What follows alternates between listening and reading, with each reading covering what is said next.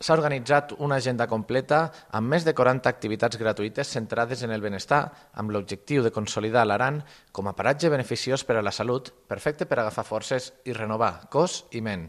I és que aquestes sessions es faran a l'aire lliure, en un entorn natural d'alta muntanya. Sentim Lluís Camps, tècnic de Turisme Valdaran. Una de les tendències turístiques en alça és el, el turisme al benestar. No?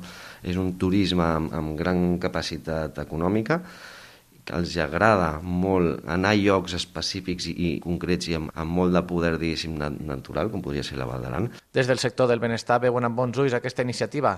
Laura Castelli és membre de l'associació Sueñate. Yo creo que el Valle de Arán es un entorno único para hacer esos tipos de prácticas. Practicar yoga en la naturaleza ya es algo más ¿no? que practicar yoga en una sala o en casa, porque te ayuda pues, a conectar aún más. Des de Turisme Valdaran es volen mantenir les bones xifres turístiques de l'agost, que s'ha situat en una ocupació mitjana del 84%, superant els anys previs a la pandèmia.